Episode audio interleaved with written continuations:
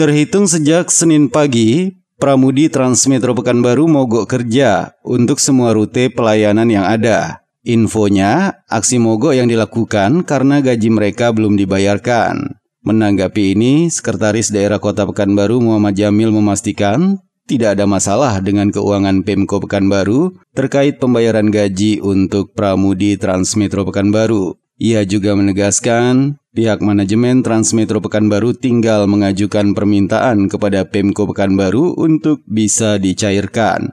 Yang menjadi penyebab keterlambatan ini ditekankan Jamil hanya permasalahan administrasi saja. Sebab itu dalam waktu dekat pihak manajemen akan dipanggil untuk diminta keterangan apa yang menjadi permasalahannya. Jadi gini, uh, kita sudah antisipasi dari awal ya. Supaya transmeter itu tidak terjadi apa namanya macet segala macamnya. Di sisi pembayaran kita sudah sudah kita bayar. Hmm. Nah sekarang kita belum manggil manajemennya. Nah, apa yang salah di mereka? Jadi kalau untuk uh, pembayaran tunggakan-tunggakan 2019 kita sudah bayar semuanya.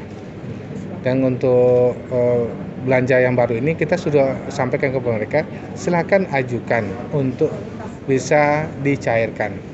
Karena uang kita cukup untuk membayarkannya. Nah, berarti manajemen yang harus uh, bekerja keras untuk menyelesaikan ini.